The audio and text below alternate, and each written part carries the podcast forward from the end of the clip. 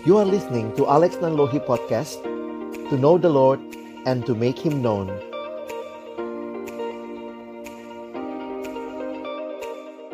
Mari berdoa sebelum kita membaca merenungkan firman Tuhan. Terima kasih ya Tuhan kesempatan ini kau berikan bagi kami bersekutu memuji memuliakan namamu. Dan tiba waktunya bagi kami untuk akan membuka firman-Mu. Kami mohon waktu kami membuka firman-Mu, Firmanmu itu adalah firman yang kudus dan yang menguduskan hidup kami. Firmanmu itu firman yang hidup dan yang menghidupkan kerohanian kami. Firmanmu itu firman yang tidak berubah, tapi firman yang kami percaya sanggup mengubah hidup kami. Itu yang kami rindukan kembali menjadi bagian semua kami, baik hambamu yang menyampaikan, semua kami yang mendengar. Tuhan tolonglah kami semua agar kami bukan hanya jadi pendengar-pendengar firman yang setia, tapi mampukan dengan kuasa dan pertolongan dari rohmu yang kudus, kami dimampukan menjadi pelaku-pelaku firman-Mu di dalam hidup kami, di dalam masa muda kami. Bersabdalah ya Tuhan, kami umat-Mu sedia mendengarnya. Dalam satu nama yang kudus, nama yang berkuasa, nama Tuhan kami, Yesus Kristus, kami menyerahkan pemberitaan firman-Mu. Amin. Shalom, selamat siang teman-teman sekalian. Bersyukur buat kesempatan ini boleh sharing firman Tuhan dengan adik-adikku dari Fakultas Hukum UI. Dan juga saya lihat ada beberapa teman dari fakultas yang lain ya. Nah, tema yang diberikan kepada kita hari ini adalah How to Love. Wah, ini kalau udah bicara love-lovean kayaknya nggak ada habisnya gitu ya. Maka uh, sesi ini mungkin hanya menjadi pengantar sebelum nanti kalian juga dalam perjalanan imanmu, perjalanan kasihmu, mari bingkai dengan benar ya relasi-relasi yang kita akan bangun atau kita sedang bangun ya. Jadi kata love, kata love you gitu ya ini kayaknya kita udah sering dengar I love you dan kalau bicara love itu bisa berarti kasih, cinta. Memang ada yang sangat membedakan kasih itu lebih tulus, kudus. Kalau cinta tuh kayaknya lebih nafsu. Tapi ya sebenarnya bahasa Inggris yang menerjemahkannya sama aja begitu ya dengan istilah love. Dan yang menarik bahwa di seluruh budaya manusia sebenarnya mengenal kata kasih, ya. Coba lihat ya, semua kehidupan manusia juga mengenal kata kasih. Sayangnya nggak ada bahasa Batak di sini ya. nah, tapi itu bahasa yang kita kenal. Teman-teman coba lihat abang sebentar. Ada yang tahu ini apa? ada yang tahu? Wah, metal, metal. Ini bukan metal sebenarnya ya. Ini dalam American Sign Language. Ya, simbol ini berarti I love you. Ya. I love you. Itu bahasa untuk orang-orang yang tunarungu. Bahkan mereka pun mengatakan, jadi kamu bisa bilang ke temen, wah gitu ya, I love you, itu simbol yang ada. Jadi kalau bicara kasih, bicara love, itu adalah bahasa yang universal. Memang sering kali kalau kita bicara kasih, langsung bicaranya pacaran, langsung bicaranya yang bagaimana. Tapi kan sebenarnya kasih itu sesuatu yang kita lihat Tuhan berikan kepada kita secara universal dan relasinya tidak terbatas hanya dalam relasi yang berpasangan lawan jenis. Makanya tadi waktu MC bertanya siapa yang kamu kasihi ya muncul juga ya orang tua, teman gitu ya. Jadi ini memang tidak monopoli sebenarnya milik kekasih. Bahkan kalau kalian mau mengerti lebih jauh bahwa relasi yang lebih dekat itu kan sebenarnya keluarga ya. Sebelum mungkin nanti kalian punya teman, lalu nanti kalian punya pasangan dan seterusnya. Sehingga ini juga kasih kan, coba lihat gambar ini ya. Ini kasih juga gitu ya. Bahkan uh, ini juga kasih begitu ya. Lutuna, lutuna begitu ya. Bahkan kalau bicara cinta, ini juga cinta. Ya. Cinta kepada bangsa, cinta kepada tanah air. Dan juga ya persahabatan tentunya ya. Believe it or not, 90% tema lagu di dunia itu temanya cinta. Dan jangan pikir kalau cinta langsung selalu bicara pasangan hidup. Tidak. Cinta kepada tanah air, cinta kepada bangsa, ada juga cinta kepada alam. Jadi memang cinta ini sebuah bahasa yang universal. Tentunya ketika ini menjadi cinta yang lebih spesifik dalam relasi pasangan begitu ya.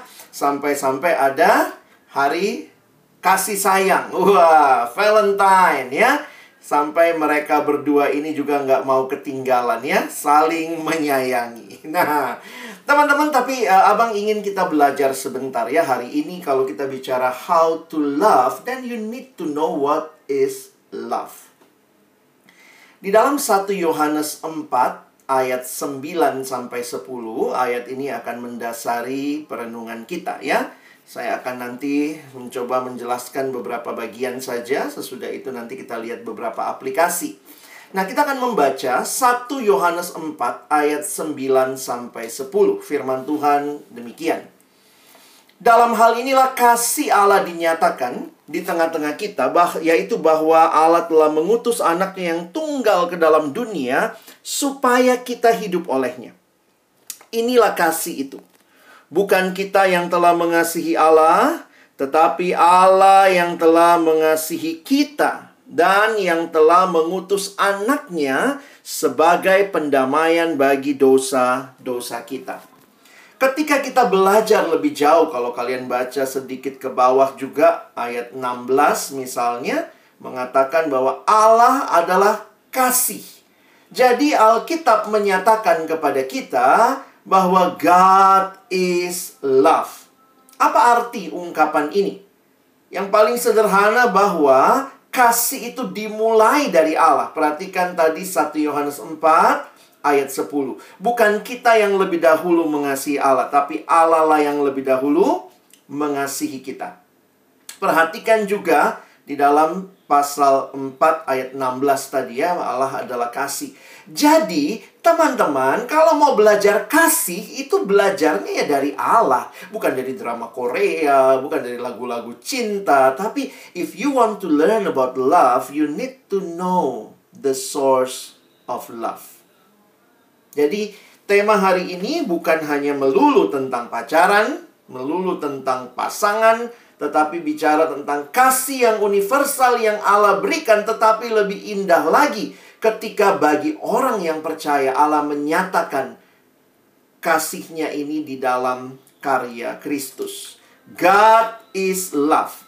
Nah, menarik sekali kalau kalian perhatikan, hampir selalu, nanti kalian cek ya, hampir selalu tulisan Rasul Yohanes, karena dia rasul yang sering kali dikenal dengan rasul kasih, hampir setiap kali Rasul Yohanes menjelaskan tentang kasih, maka Rasul Yohanes tidak memberikan definisi. Ini menarik ya.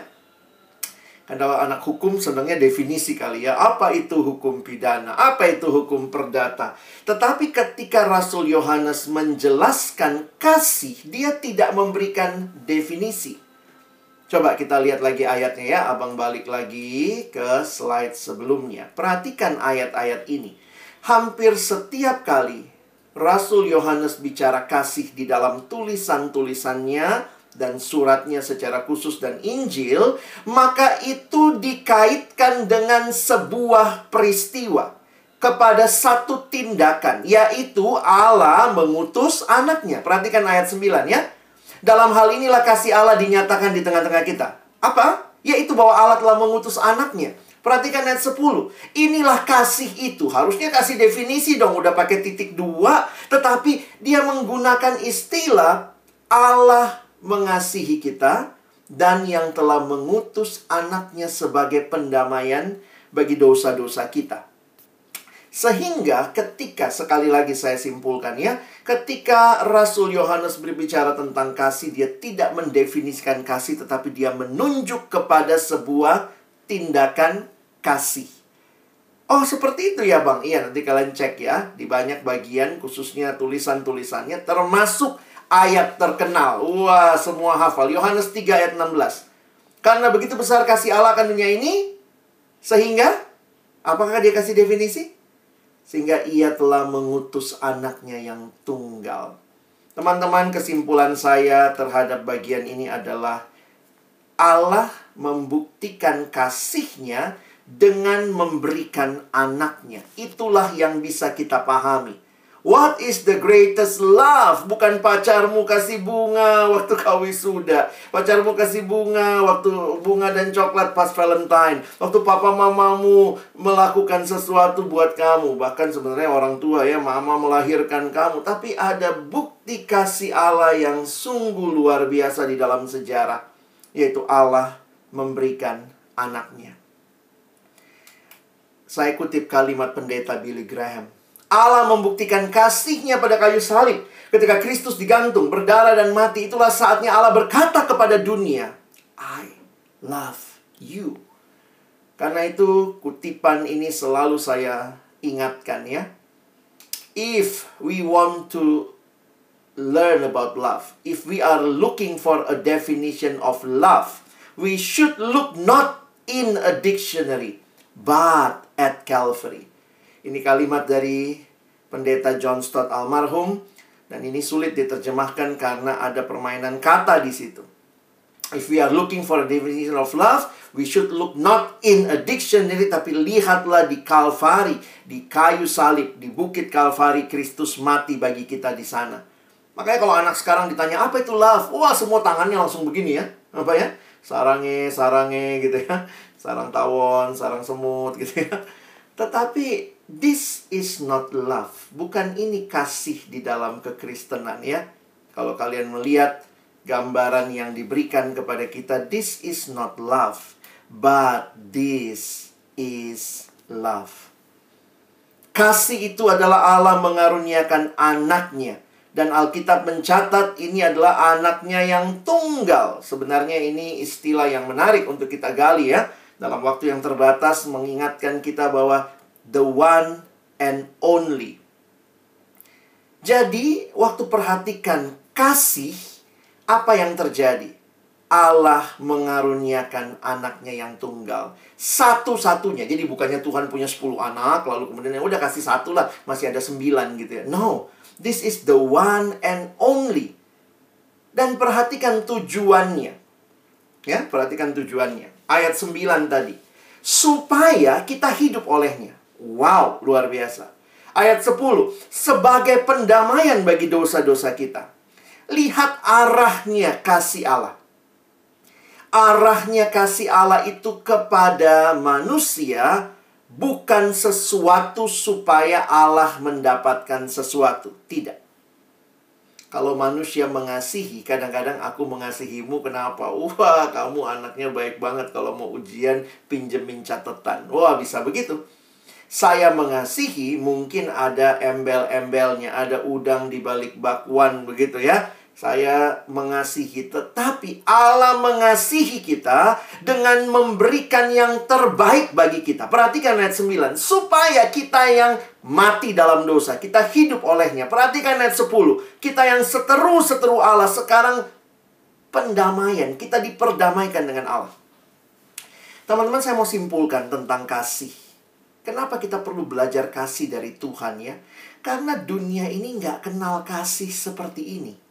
Dunia ini punya kasih yang, nah lihat ini Kak Alex tulis ya. Kasih dunia itu kasih yang hanya sebatas perasaan. Kadang-kadang begitu ya. Saya tidak mengatakan di dalam kasih tidak ada perasaan. Tetapi perasaan bagi saya bukan segala-galanya kalau bicara kasih. Karena di dalam kasih ada yang lebih tinggi daripada perasaan yaitu komitmen. Kasih dunia itu kasih yang sekadar, aduh hari ini rasanya lagi sayang, besok rasanya nggak sayang, begitu ya. Bayangkan kalau kita mendasari hidup kita hanya berdasarkan perasaan. Saya berkali-kali mengingatkan generasi ini karena kalian generasi perasaan ya. Lagu-lagu yang kamu tonton, film yang kamu tonton mengatakan apa? Just follow your heart. No, tidak Alkitabiah. Tidak ada di Alkitab follow your heart. Follow God's word. Saya rasanya nggak mau kebaktian, Kak. Jangan ikutin perasaan. Perasaan bukan penentu kebenaran. Saya rasanya pengen pukul dosen, Kak. Jangan gitu ya. Jangan jadikan perasaanmu penentu kebenaran. Ini generasi yang kayaknya apa yang dia rasa itu yang dia lakukan. No. Kamu harus ikuti apa yang Tuhan mau. Perasaan kita sudah jatuh dalam dosa. Perasaan harus ditaklukkan kepada kehendak Tuhan. Jadi bukan selalu yang kamu pengen, yang kamu mau itu pasti benar. Tidak. Jadi kasih dunia itu kadang-kadang hanya sebatas perasaan. Lalu egois teman-teman. Untuk diri sendiri. Lalu kemudian kasih dunia itu ngambil. Makanya saya suka bilang ya, sebenarnya bahasa Indonesia itu paling gampang. Coba perhatikan abang sebentar ya. Bahasa Indonesia itu paling gampang menjelaskan kasih katanya. Dari semua bahasa di dunia. ya Karena apa itu kasih? Kasih, ya kasih. Misalnya saya punya sesuatu kasih, ya kasih. Love is giving. Kasih itu yaitu memberi. Love is giving, love is not taking. If love is taking, taking, that is not love. That is rampoking. You know? Kalau ngerampok, bukan itu kasih.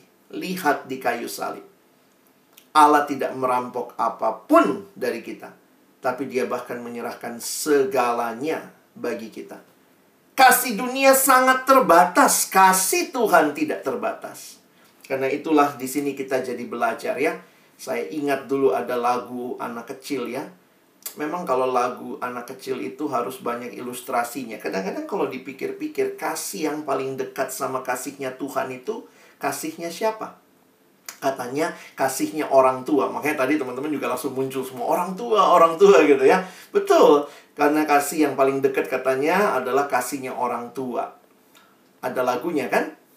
Kasih ibu kepada beta tak terhingga sepanjang masa. Apa itu kasih? Hanya memberi. Wow, hebat banget tuh. Waktu pelajari lagi tuh. Hanya memberi. Tak harap kwitansi ya. Jangan sampai ada mama-mama kwitansi ya. ya. Kau cepat sekolah nak, cepat besar ya. Nanti ajak mama jalan-jalan. Ah, mama-mama kwitansi ya. Dia cuma ingin supaya nanti dia dapat sesuatu ya. Kadang-kadang kalau kita melihat lagu itu, wow, Kasih itu hanya memberi, tak harap kembali. Makanya waktu saya renungkan lagu itu sebenarnya ini banyak orang tua gagal kok mengasihi ya. Harusnya itu kasih Allah ya. Kan kasih ibu. Waduh, ibu juga bisa gagal. Yang penting yang pen, yang utama sebenarnya harusnya kasih Allah kepada saya tak terhingga sepanjang masa. Bagaimana kasihnya? Hanya memberi. Tak harap kembali. Wah, karena ini lagu anak-anak, maka dia harus ada ilustrasi yang menolong anak itu menghayati. Seperti apa? Dia ambil ilustrasi. Bagai sang surya menyinari dunia. Sang surya menyinari dunia tanpa syarat.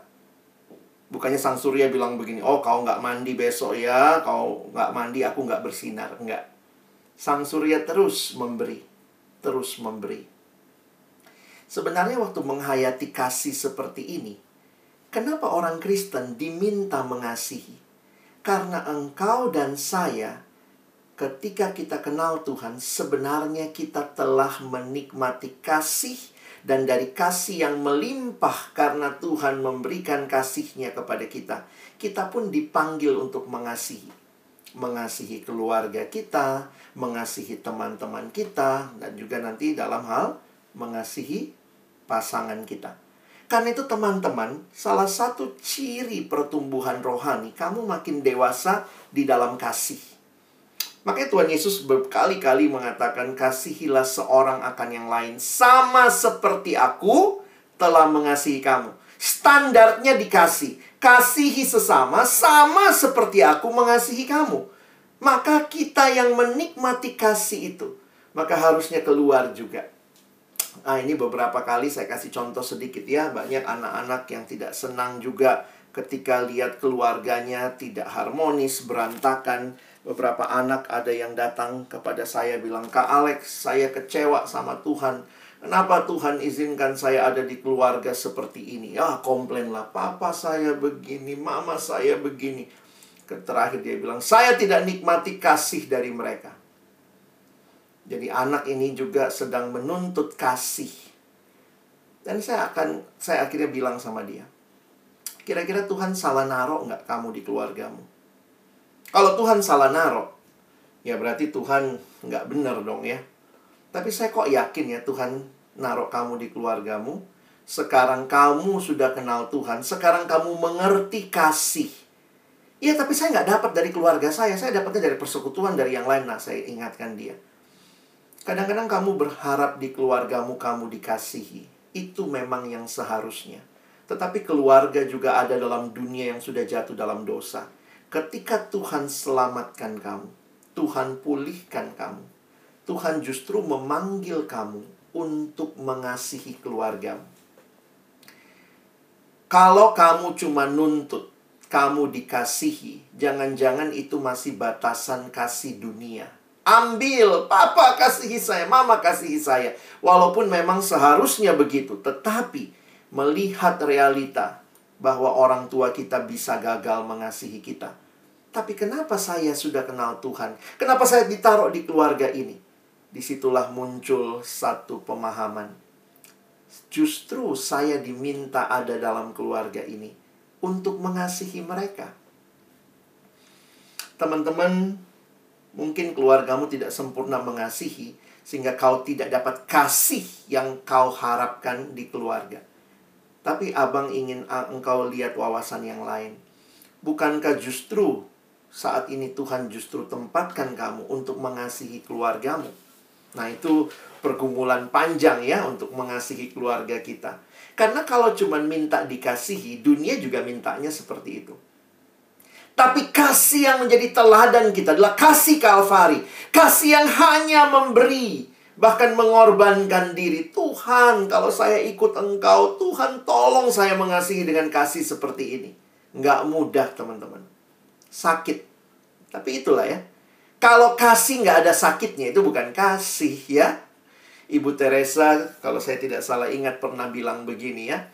Kalau kamu punya 10 pasang sepatu. Lalu kemudian uh, kamu lihat ada om temanmu nggak punya. Wah akhirnya udahlah. Kamu ngasih ya. Kamu punya 10 pasang. Kamu kasih satu pasang. Nah biasanya numpang tanya kalau kamu punya 10 pasang lalu kasih orang yang nggak punya, kamu kasih satu pasang. Biasanya satu pasang yang kamu kasih itu yang mana? Yang kamu paling senang? nggak ya? Jarang loh masa yang paling seneng sih bang.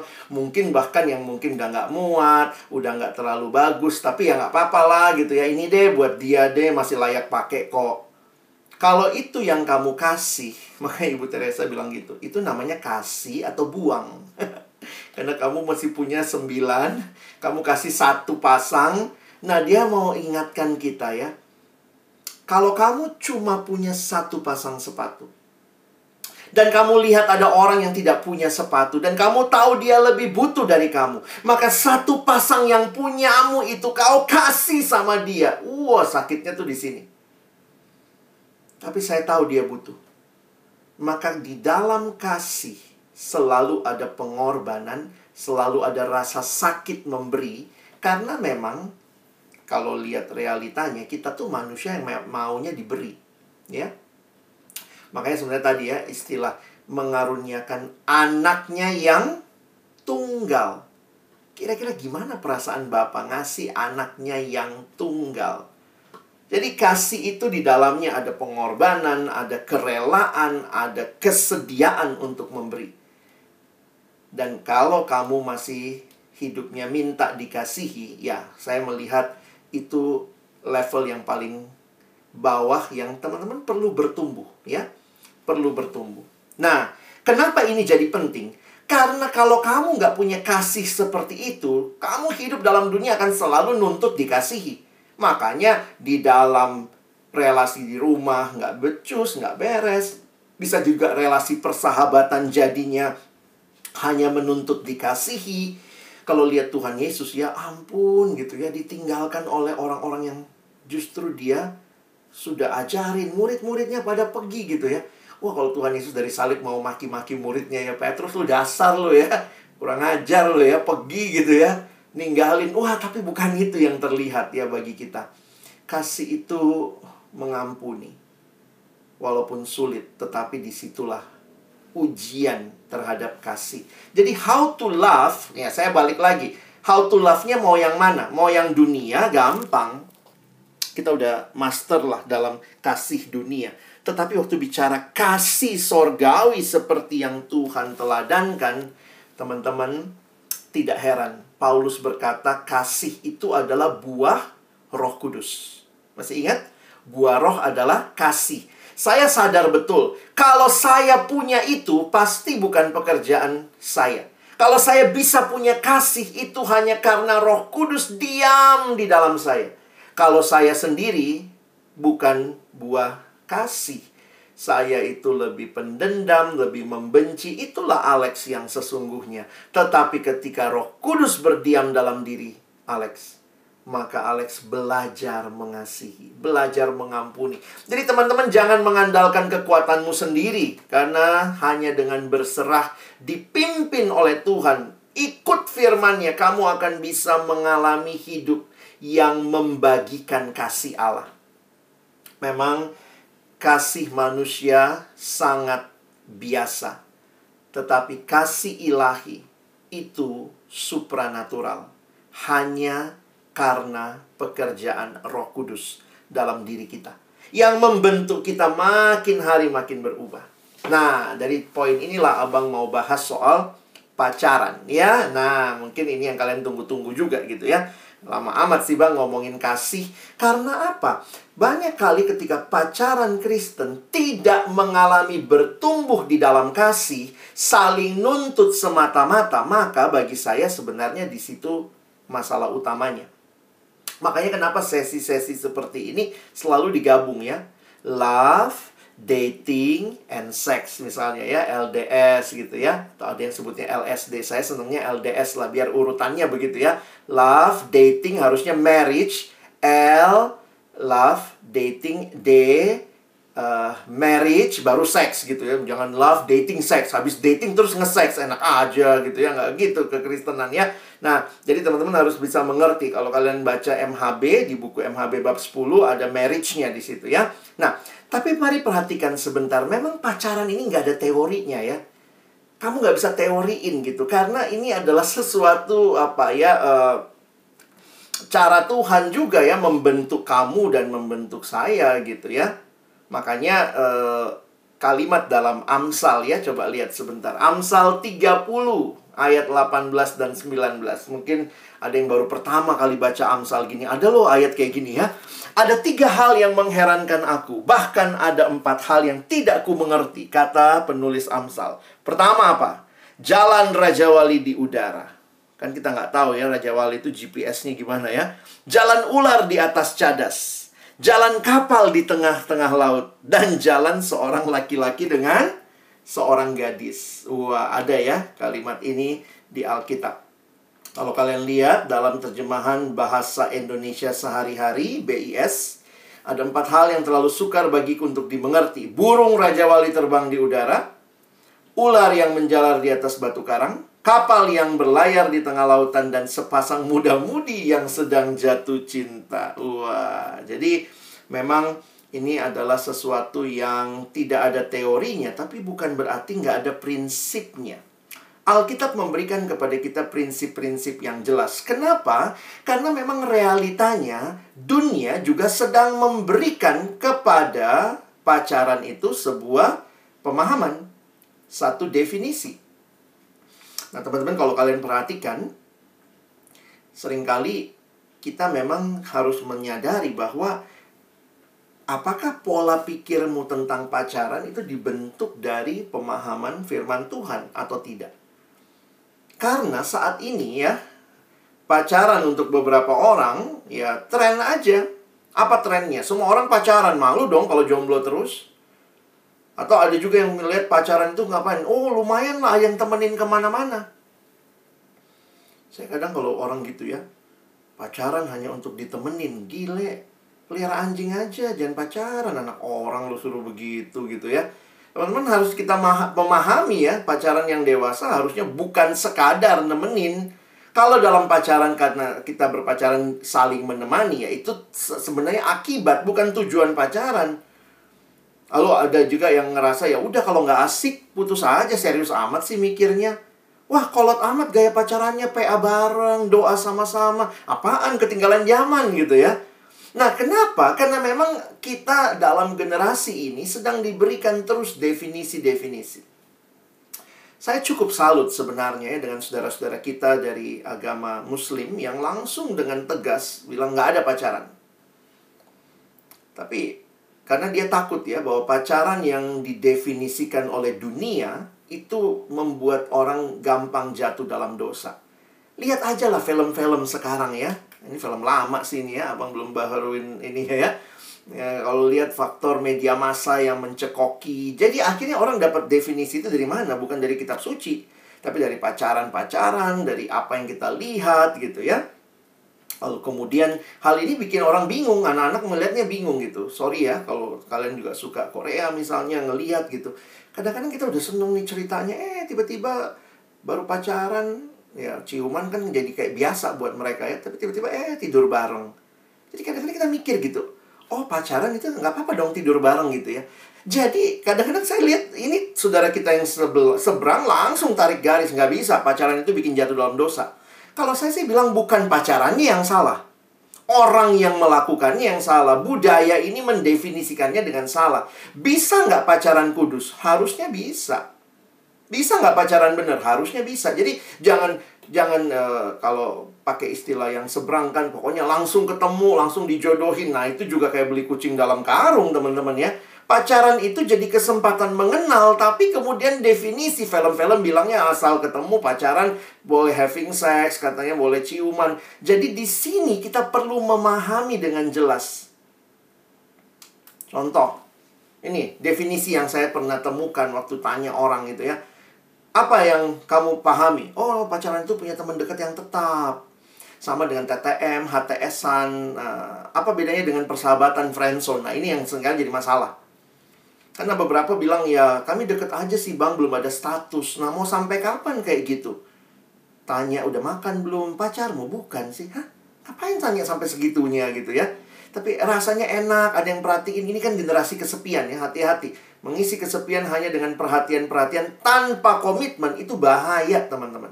Ya.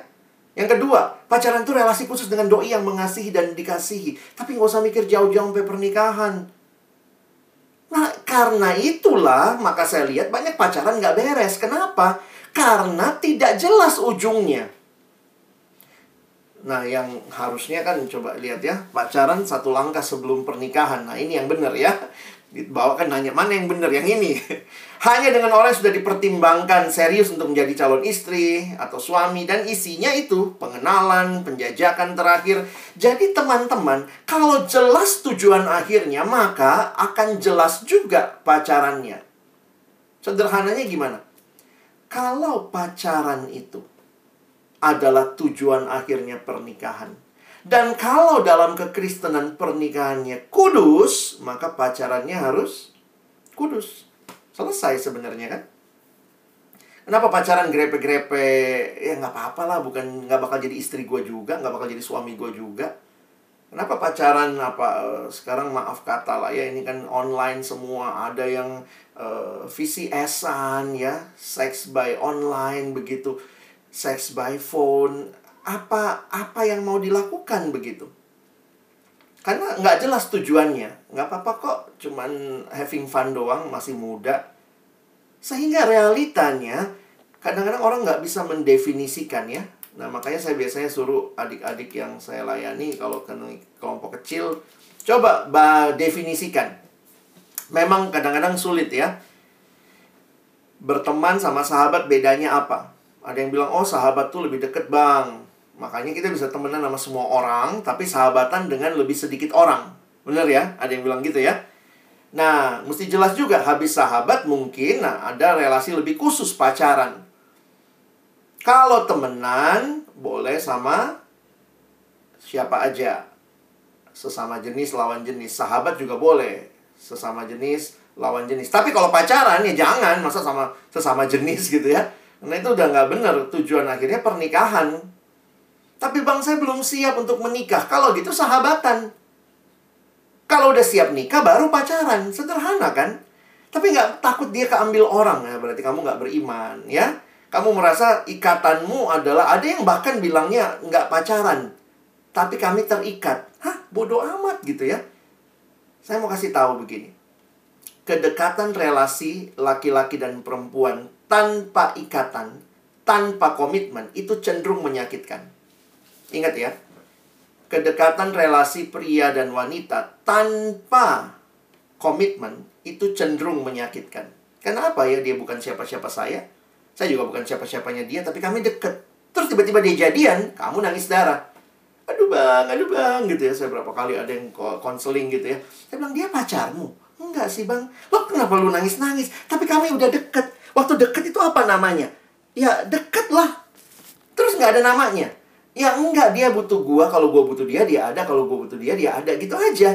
Terus tiba-tiba jadian sama orang lain, dia pacarmu. Bukan sih. Ya sudah, jangan nangis gitu ya. Tapi itu bang udah deket. Nah itulah yang saya katakan. Ini kadang-kadang generasi ini senang kedekatannya, nggak mau komitmennya. Kenapa? Karena kalau kamu komitmen itu berarti hanya dengan satu orang. Nah, mungkin dong pacaran buka saat di setiap fakultas di UI punya cabang. Nggak gitu dong ya. Namanya pacaran jelas hanya dengan satu orang. Makanya kalau ini sistem piramida terbalik ya. Temen banyak, sahabat makin dikit, pacar satu, Nah, masuk ke tunangan sampai pernikahan itu satu-satu gitu ya. Jadi sebenarnya penghayatan kita sederhana buat kita ya, mulai dari akhir. Akhirnya harus jelas. Mau ngapain? Nah, kenapa ini perlu dipikirkan dengan serius? Karena teman-teman, ini bukan cuma sekadar kesenangan ya. Tapi bagi pribadimu, kamu nanti akan makin bertumbuh atau makin mundur secara rohani dengan punya pasangan. Apalagi ada yang gitu, iya bang, saya pokoknya pokoknya senang aja sama dia, tapi dia bertumbuh nggak dek? Jujur aja sekarang abang bilang ya, bukan cuma Kristen yang harus dicari ya, harus Kristen bertumbuh. Kenapa? Karena itu satu hal yang penting dalam kehidupan kerohanian. Dan apa dampaknya juga terhadap persekutuan bagi saudara seiman, mungkin juga buat keluargamu. Jadi teladan kah, jadi batu sandungan kah? Ada ayat yang berkata, jika engkau makan atau jika engkau minum, kaget waktu saya baca ayat ini ya Gile, sepele banget, receh banget kata anak sekarang. Makan, minum, atau jika engkau melakukan sesuatu yang lain, lakukanlah semuanya itu untuk kemuliaan Allah. Kalau makan aja untuk kemuliaan Allah, minum aja untuk kemuliaan Allah, masa pacaran tiba-tiba untuk kesenangan diri? Harusnya nggak benar dong. Jadi perhatiin ayat-ayat seperti ini ya. Karena itu, kalau kita mencoba menyimpulkan, lalu prinsip pacaran itu bagaimana? Sederhana, tentu memuliakan Allah ya. Karena kita bukan sekadar untuk diri sendiri. Tadi ayatnya jelas kan untuk kemuliaan Allah. Bagaimana untuk kemuliaan Allah? Maka ikuti prinsipnya Tuhan ya, lawan jenis, seiman, bertumbuh. Dulu abang naroknya seiman duluan. Sekarang enggak. Buat saya lawan jenis dulu ya. Karena ada, bang kami seiman, bang kami seiman. Tapi gila, lu totok dia joko. Ngapain lu berdua gitu ya? Nggak bisa gitu. Jadi sekarang saya taruh dulu. Lawan jenis dulu, baru seiman. Baru bertumbuh ya. Nah, mesti jelas tuh prinsip-prinsipnya. Di dalam kasih, bukan saling menuntut. Makanya bayangkan kalau saling nuntut, ah, aku nuntut kamu, kamu nuntut saya. Jadi akhirnya kita bukan menikmati relasi, itu saling menuntut. Makanya waktu pernikahan, di altar itu kita berjanji. Aku menerima kamu dalam suka dan duka. Aku akan memelihara kamu, aku akan menjaga kamu. Itu kan sesuatu yang bukan untuk diri kita. Bukan di altar pernikahan, oke, okay, kamu bakal jaga saya ya. Hmm, jangan lupa ya jagain saya ya. Enggak, janjinya aku akan menjaga kamu. Makanya kalau orang tidak bertumbuh dalam kasih, aduh ngeri banget masuk pacaran bener. Saling nuntut, apalagi masuk pernikahan. Saling merasa aku tidak dikasihi, aku tidak dikasihi. Ya itu aja terus isunya. Tapi pertanyaannya dia membagi kasih juga nggak? Di dalam kekudusan. Wah, harus jelas. Makanya dulu waktu abang menjelang menikah ya teman-teman pas menjelang menikah terus ketemu satu kakak rohani. Aku inget banget ya, itu ketemunya di parkiran. Terus dia bilang, Alex, gimana persiapan menikah? Oh udah siap bang, undangan udah disebar. Karena itu tinggal dua minggu lagi ya. Tiba-tiba dia bilang begini, Alex inget ya, ingat apa bang? Tujuan pernikahan menikah bukan untuk bahagia. Ya abang, udah tinggal dua minggu bang gitu ya. Saya bilang, ah gitu ya bang? Terus dia kemudian bilang sama saya, kebahagiaan itu bukan tergantung kamu menikah atau tidak. Bahagia itu karena kamu di dalam Tuhan. Hanya Tuhan yang bisa bikin kamu bahagia. Kalau kamu di dalam Tuhan, pasanganmu di dalam Tuhan, maka kalian menikah di dalam Tuhan, hidup di dalam Tuhan, kalian bahagia. Jadi bahagianya bukan karena pasangan, tapi karena pernikahan. Uh, dalam Tuhan ya, pernikahan di dalam Tuhan. Jadi akhirnya jadi ngerti ya, jangan menuntut pasanganmu membahagiakan kamu. Dia manusia berdosa sama kayak kamu. Jadi kadang-kadang dalam pacaran juga begitu ya. Poinnya adalah Pastikan dia di dalam Tuhan. Dia bertumbuh di dalam Tuhan. Karena apa? Kalau tidak, maka mengerikan teman-teman. Kalau gitu belum belum menikah bisa bahagia nggak? Oh bisa, asal di dalam Tuhan. Sudah menikah, bisa nggak bahagia? Oh bisa banyak menikah nggak bahagia. Karena nggak di dalam Tuhan, tidak ikuti prinsip-prinsip kebenaran Tuhan. Makanya kadang saya suka bilang, kalau menikah itu bikin bahagia, benar ya? Kalau menikah itu bikin bahagia, dari TK saya suruh kamu menikah supaya kau bahagia. Ayo menikah, menikah. Kenapa? Dari TK, oh ini ini yang bikin bahagia. Tapi karena yang membuat bahagia adalah pengenalan akan Tuhan. Dari TK kamu ikut KKR, di KKR-in, diajarin Tuhan Yesus satu-satunya Tuhan dan Juru Selamat. Terima dia dalam hidupmu. Nah, jadi pahami prinsipnya ya. Dua slide lagi. Kapan mulai pacaran? Nah, mari belajar berpikir bijaksana. Kadang-kadang sederhananya gini ya, pacaran tuh bagusnya berapa lama? Ada mau nggak pacaran eh, uh, 10 tahun pacaran atau 15 tahun ya? Oh 15 tahun pacaran melulu nggak dikawin-kawinin gitu ya. Pacar aja gitu. Pasti kan nggak sehat juga ya. Ada yang bilang ya kalau pacaran itu kira-kira inilah bang hmm, 4 tahun lah maksimal deh. Misalnya 4 tahun maksimal. Kalau misalnya itu kira-kira ya 4 tahun maksimal, maka saya tanya sama kamu, kamu mau menikah umur berapa? Aku menikahnya, kalau cowok kan mesti mikir sinamot dulu ya, nabung dulu ya. Aduh bang, aku kayaknya baru siap itu kan selesai kuliah 23, kerja 3 tahun pertama, 4 tahun, ya 27, 28 lah bang. Itu laki-laki biasanya gitu, 27 gitu ya kalau perempuan misalnya eh, 25 gitu ya itu yang kalau yang ngebet pengen merit cepet tuh ya nggak mau S2 dulu, pokoknya merit ya gitu ya. Nah, maka kalau menikahnya 27 Sebenarnya pacaran umur berapa mulainya ya? Mungkin nggak apa-apa juga mulai waktu kuliah kan 4 tahun ya. Umur 23 lah pacaran. Abang kan belum tentu jadi sama dia. Ya udahlah boleh boleh dua dua dua boleh. Bang, tapi kalau nanti putus ya, kan kita nggak tahu juga, Bang ya. Mungkin oke okay lah 20. Makanya kalau saya untuk teman-teman yang sudah kuliah, saya bebaskan dalam arti silahkan mulailah kalian bisa menjejaki relasi gitu ya karena kalau anak SMA saya kadang bilangnya jangan dulu. Ya memang nggak ada di Alkitab anak SMA nggak boleh pacaran. Pertama kamu belum dewasa dalam pengertian kasihmu. Yang kedua kalau kamu pacaran 16 tahun misalnya mau menikah 26 tahun 27 itu 10 tahun loh. Siap pacaran 10 tahun. Tapi kayaknya udah klop banget. Kami aja udah manggil mama papa. Aduh kadang-kadang jijik banget gitu ya nah itu yang abang kadang ingetin ya teman-teman. Mau pacaran berapa lama? Siap menikah usia berapa? Berarti nanti di situ coba pikirin siap pacaran usia berapa. Dan penting sekali kamu bisa membedakan mana akibat mana tujuan.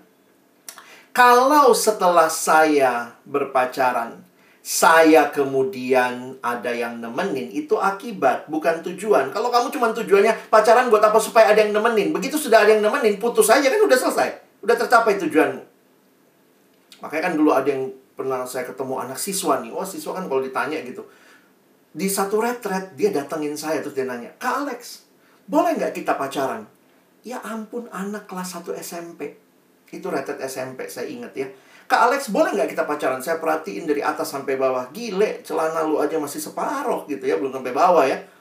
Terus kemudian saya tanya lah ya, kan kalau kita membimbing remaja nggak boleh langsung bilang ini itu ya, nanti dia nggak mikir. Jadi saya ajak mikir. Apa tujuannya pacaran, dek?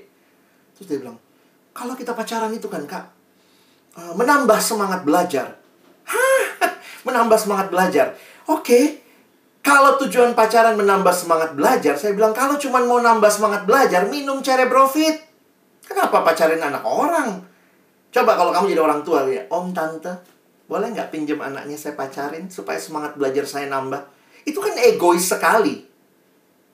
Kalau kamu pacaran, tujuannya jelas. Menikah, memuliakan Allah. Kalau karena kamu dekat sama dia, kamu semangat belajarnya bertumbuh, kamu jadi makin rajin, makin bertanggung jawab, itu akibat, bukan tujuan. Jadi harus bisa bedain ya. Jelas dulu tujuannya. Karena kalau nanti sudah akibat gitu, kenapa kan ganti pacar? Oh, semangat saya, semangat belajar saya udah nambah, malah kelebihan. Sekarang saya mau putusin dia deh. Mau cari yang lain deh untuk nurunin semangat belajar. Emang begitu hidup?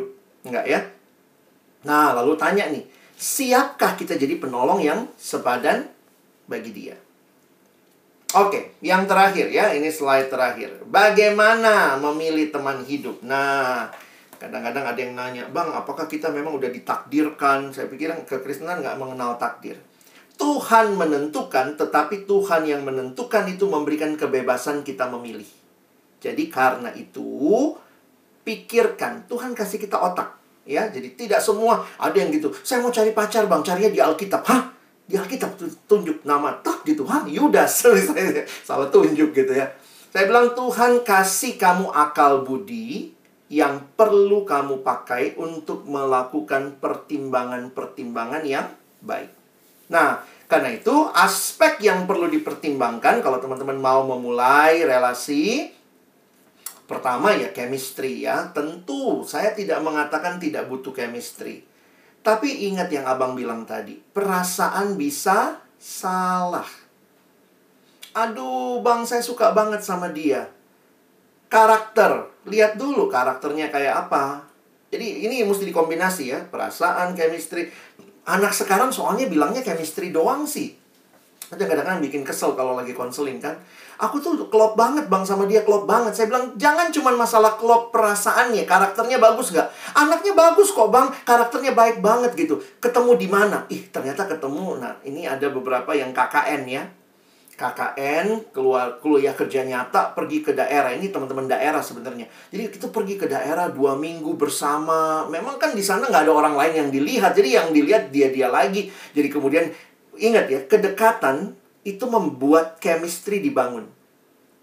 Jadi hati-hati ya, kedekatan itu bisa bikin chemistry dibangun.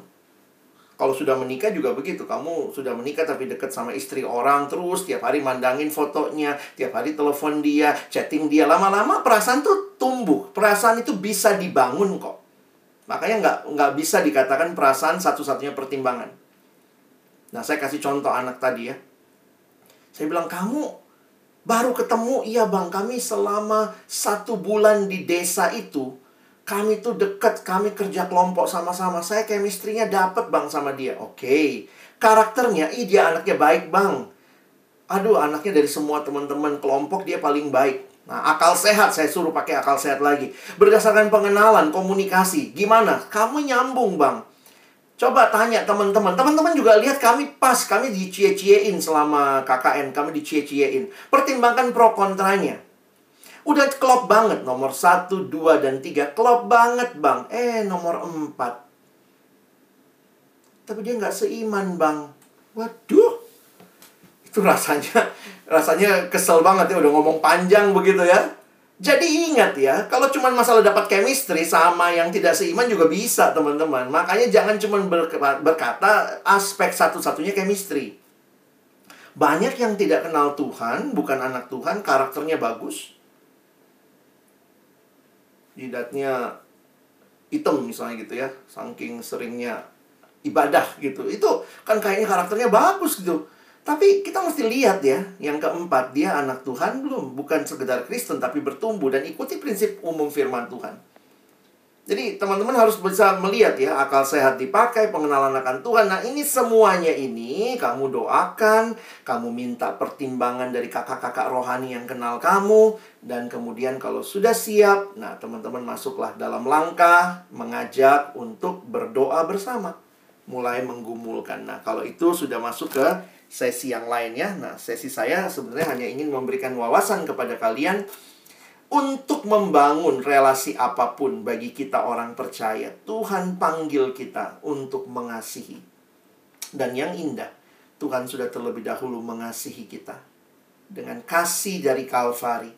Supaya ketika engkau dan saya mengasihi keluarga, mengasihi teman, bahkan masuk dalam relasi mempertimbangkan pasangan hidup, kalian benar-benar berpikir dengan baik bagaimana kalian terus bertumbuh dalam kasih dan kasih itu seumur hidup ya. Setelah abang menikah pun harus tetap belajar mengasihi istri, belajar untuk mengerti bahasa kasih, belajar untuk terus memberi. Kita tuh manusia ini karena udah udah jatuh dalam dosa tuh sifat-sifat lama kadang muncul ya. Kalau disakitin gitu ya, wah tunggu gue bales gitu ya. Rasanya itu emangnya enak. Gue emangnya digituin enak. Jadi kayaknya kita pengen bales gitu ya supaya dia ngerasain. Tapi bukan seperti itu kasih. Kasih itu membangun, bukan menjatuhkan pacaran itu bukan lagi pertandingan siapa yang menang, siapa yang kalah. Di pernikahan juga begitu. Beberapa konflik pernikahan karena melihatnya gitu. Aku sakit banget dicuekin sama dia, Pak. Karena itu saya cuekin balik. Ya ampun, emangnya nanti kita hitung skornya siapa yang paling cuek. Jadi realitanya akhirnya kita ngeliat itu kayak balas-balasan. Dan di situ saya pikir, Tuhan masalahnya di mana? Kasih. Dia nggak ngerti kasih Allah. Dan waktu kita mengerti kasih Allah pun kita berjuang mengasihi karena tidak mudah. Tapi ingat, kalau engkau dan saya sanggup mengasihi itu buah dari Roh Kudus. Kiranya Tuhan menolong teman-teman untuk uh, memahami materi hari ini. Kalau ada pertanyaan nanti bisa ke IG Abang gitu ya. Kalian bisa lihat juga ada beberapa uh, saya dan istri nanti kalau masuk di IG lihat aja di highlightnya ada love relationship ya kami buat beberapa materi untuk teman-teman yang mungkin lagi mulai men mau mendoakan, lagi menggumulkan ada beberapa pertanyaan bagaimana kalau cintanya beda suku gitu-gitu ya. Nah, kami uh, membuat uh, live uh, IG IG highlight untuk menolong teman-teman yang mungkin dalam sesi kayak gini kan terbatas Abang bisa jawab semua pertanyaannya. Jadi silahkan nanti ke IG saya bisa cek di situ. Nah, kiranya Tuhan menolong teman-teman makin bertumbuh di dalam kasih ya. Mari kita berdoa. Tuhan terima kasih banyak kalau hari ini kami disegarkan kembali apa artinya mengasihi. Karena kami yang telah terlebih dahulu mengalami kasih Allah yang luar biasa. Hamba berdoa bagi adik-adikku di dalam masa muda mereka, biarlah mereka terus bertumbuh di dalam kasih dan dalam anugerah Tuhan, jika tiba waktunya Tuhan memberikan perasaan ketertarikan satu sama lain, kiranya Tuhan memberikan kepada mereka juga akal budi yang dipimpin oleh firman Tuhan, akal budi yang dipimpin oleh Rohmu yang kudus, sehingga setiap relasi yang dibangun kiranya menjadi relasi yang memuliakan Tuhan dan di dalamnya boleh menjadi kesaksian. Kami sadar betul banyak hal yang mungkin masih jadi pertanyaan, tapi kiranya Tuhan tolong kami seiring dengan perjalanan iman kami. Kami makin mengerti kehendak-Mu di dalam hidup kami. Kami bersyukur untuk firman-Mu. Sekali lagi tolong kami bukan cuma jadi pendengar, tapi jadi pelaku firman. Dalam nama Yesus kami berdoa, kami bersyukur. Amin.